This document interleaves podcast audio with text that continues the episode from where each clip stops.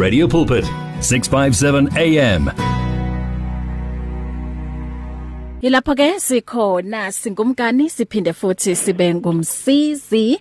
Ehe usizandi ukhona elayinini kodwa ngaphambi kokuthi ngimthathe um ithi ke sibuke la imiyalezo embalwa umam Ntombi Nhlapo uthi thina sonke esishiwe omama uh, uthi u uthi ungumelaphi makapholi othi ungumelaphi makapholise amanxeba eh sihlala sihlala kumdala weinsuku siyabonga noma eh zazikhona ivunguvungu empilweni sinje eh ngenxa yabomama nama single parents ngithi halala um uJehova uya provider umfundisi Nhlapo da alchemists. Uthi happy mother's day to all the seven colors of God's love uh, to human nature. May God bless bonke oh mama uh, uthi you make our world a better world. We appreciate and we truly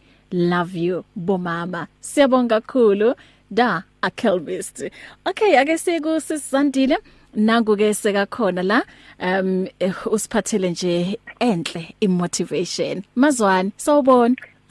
Sawubona sisibahle sanibonani balaleli base Radio Pulpit. Amen and happy Mother's Day nakuwena. Happy Mother's Day, happy Mother's Day kubo bonke oh mama oh my goodness. Mm. ababasho mama they make this world such a beautiful place. Izimbali inhliziyo yami yonke. Wow! You know ngaphandle komama this mm. world of ours wouldn't look half as beautiful as it looks. Wow. so nje yeyini khetheke kakhulu ngimthana ngenhliziyo yami yonke. A special special uh, mother's day to uma wami ongizalayo uphindile Gumbi from a David Fanetwatha I love her ngenhliziyo yami yonke. Ah, Mam Gumbi yazokhulisa intombi enhle. Siyabonga. Mhm. Nami ngiyabonga nje ukuthi inkosi yami yazi uNkulunkulu wamsebenzisa to bring me Mm. emhlabeni ngangikuphi sisibahle. Ah, hmm. Yeah. Yeah. All right. So ngithi ko mama today uh last week besiye sathi wanele you Mm. know just those who missed last week were saying you are enough. So namhlanje ke ngelanga elikhethekile lo mama sithi you are one in a million. Sithi akekho mama ofana nawe. Umhlaba ugcwele nje. Khona ikhaya nekhaya almost every home has a mother. Kodwa akekho mama ofana nawe.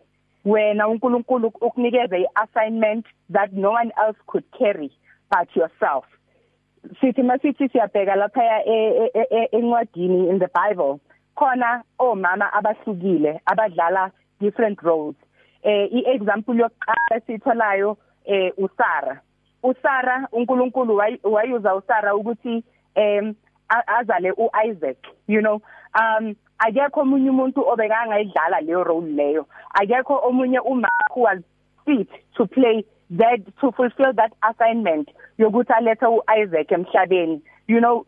Sihambe sibheke uHana you know bebakhona bewakhona amanye amakhosikazi who, who who could have given birth to Samuel but uNkulunkulu saw it fit ukuthi it, it only had to be uHana who could give birth to Samuel you know. So what i'm saying is um even though umama bakhona abanye abomama kodwa akekho ofana nawe. Wena uwe ophethe the assignment oyiphethe the kids that you have those are the kids you were meant to have. Ungabheka umntaka kamakhelwane ubone ngathi mhlambe yena ungcono kunabanye uzufisa ukuthi ngabe laba yabani ngabe laba kusabani. The ones that you have yibo uNkulunkulu akubizele ukuthi ubazale and gave you the assignment yokuthi ubakhulise ubenze babe yinto uJehova babizele ukuthi babe yiyo. So ukhethekile. You know i i i ngibuyela futhi la ngi emphasize ukuthi don't compare yourself. Yes. because mm -hmm. there, there can only be one you you know. Uphiwe uphathisiwe. You not just umakuphela eh uphathisiwe umuntu wesifazane buka iassignment yakho. A lot of mothers uh, sisibahle once Mm, ba omama siyakhohlwa ukuthi eh what were your dreams? Yini obufuna ukuba yiyo before uba umama? Yeah. sometimes we lose ourselves in being abomama.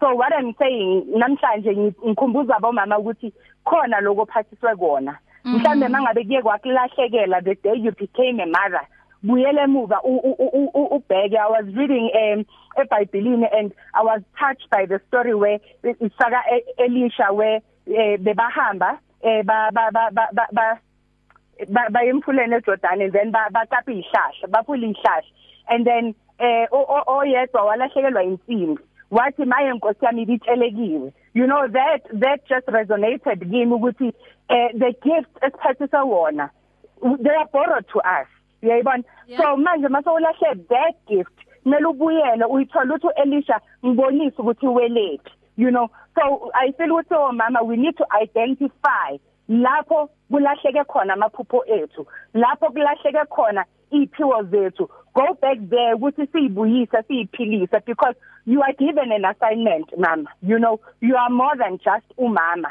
Khona lokho kuphethe okumele ngabe uyakufulfilla because impilo zethu they are predestined sibahle. You don't just come emhlabeni kube i coincidence mhlambe ushade lapha ube umama lapha kuzenzakalele cha. Even the bible says our yeah. steps are ordered.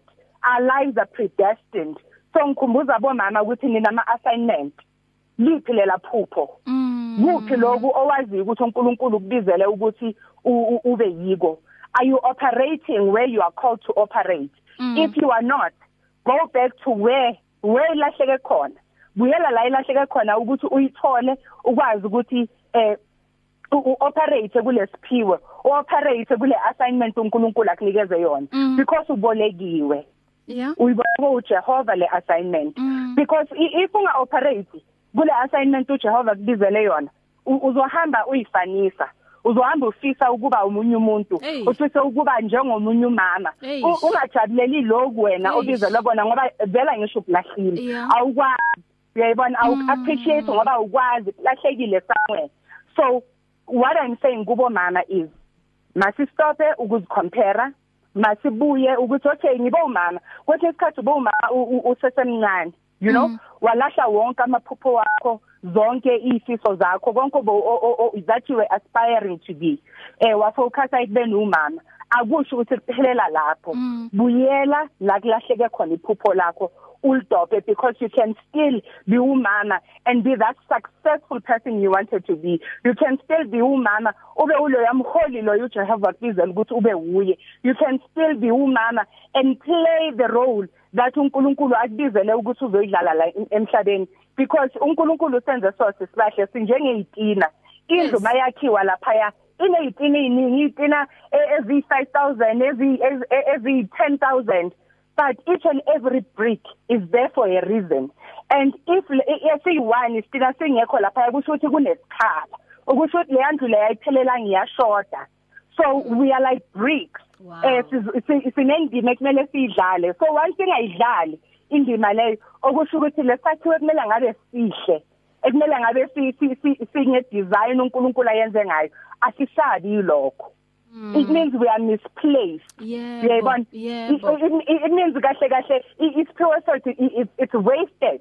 So ngithi kubomama because i know we often focus on just being abomama and end up see uthola umama unhappy you know? Because mm. we sacrifice a lot we give out a lot. Uthola ukuthi uyazikhosa vele wena eh konke okwenzayo ubeka umndeni wakho ubeka izingane zakho phambili mm-hmm. you know? So what i'm saying ngoba is it's not being selfish. Ukuthi ukhumbule ukuthi before ngiba umama mm. eh ngangithanda ukuba umhlengikazi mm. ngangithanda ukuba yiloko ngangithanda ukuba yiloko kusengakwenzeka naloko in fact by being umama and being umama ophila iphupho like akusho ukuthi uneglect izingane zakho you know but it means phezu kwalo kwale assignment of being umama obizelwe yona khona okunye uJehova kubizele kona ukuhlanganisa konke kuhambe ngesikhathi esisodwa you know like a well oiled machine you know even ingane zakho will be inspired to see ukuthi uma is so amazing she's being a mother she does A B and C kodwa she's still able to do lokhu uNkulunkulu asayine ukuthi azokwenza la emhlabeni. You know being umama is not the main assignment. It's part of your assignment. So what i am saying is you are one in a million. You don't need to to compare yourself nomunye. Thola ukuthi wena ukuthi obizelwe kona. Mangabe you are not operating there go and find iphupho lakho la la lahleka khona. Bese uyalithatha uqhubeke phambili uphile iphupho lakho and fulfill iassignment uNkulunkulu akubizele yona emhlabeni ezumama sisibahla mm uyazi ngithanda indaba layo ukuthi nanamuhla usagcizelela le ndaba ukuthi uma ungumama don't compare yourself um nomunye umama noma abanye omama ngoba yeah. uNkulunkulu ukuphathise okwakho so uma uzoyicompare nomunye umuntu kusho ukuthi uzokhohlwa ngokwakho bese manje ufocus ekutheni oh ngi ngi ngi comparisha nobahle so yes. now ngenza lokhu bahla kwenzayo ukhohlwa ukuthi nawe kukhona kwakho okumele ukwenze. So uthi ke namuhla kubo mama uthi let us go back to where kulahleke khona um ezinye zezinto. Awazi nokuthi zilahleke kuphi. Uthi uhlanganisa ama dots khona manje awahlangani ngoba mm. eh, kunamanye ama piece okuwukuthi nje alahlekile la endleleni. So uthi asibuyele emuva siyowafuna lawo ma piece and then ukuze izohlangana lento.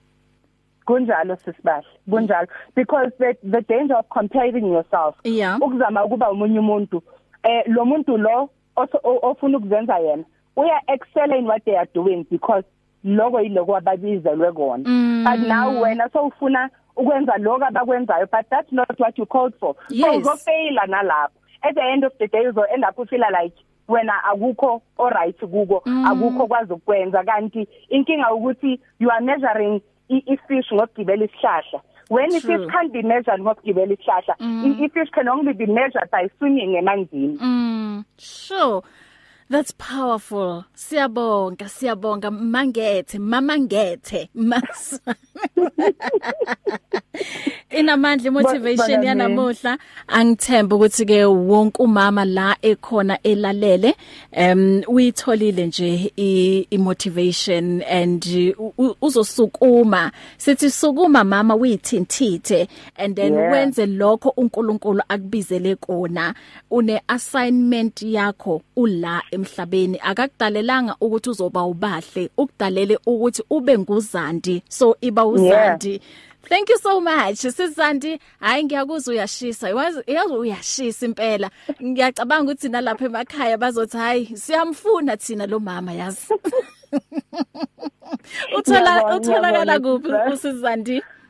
Eh usisandi yatholakala ku WhatsApp inamba 071 725 0216 eh for ama calls ku 067 099 0289 ukhona ke futhi na kuma social media platforms as uzandizwane Mhm.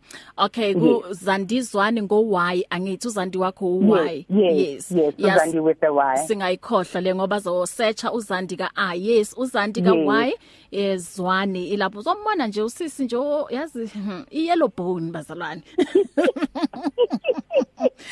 Okay, asiphinde ke sihlangane nasevikini elizayo. Eh wena bakwenzeleni namhlanje?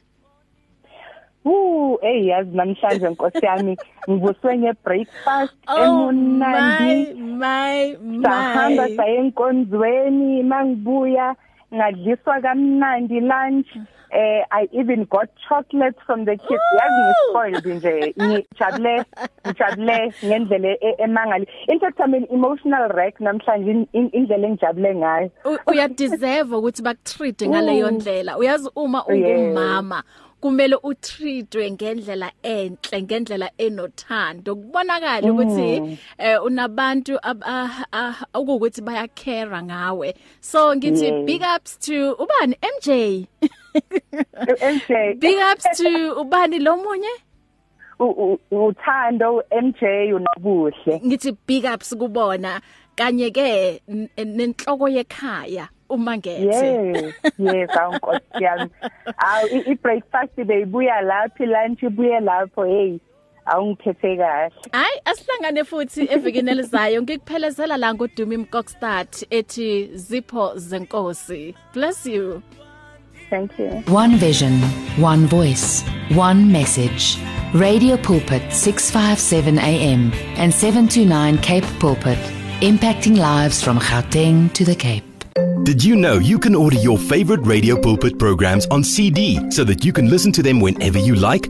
Contact our friendly client services department now to place your order. You will find them on 012 334 1200 657 AM, your daily companion. You and 657 AM and life, a winning team on the road to eternity.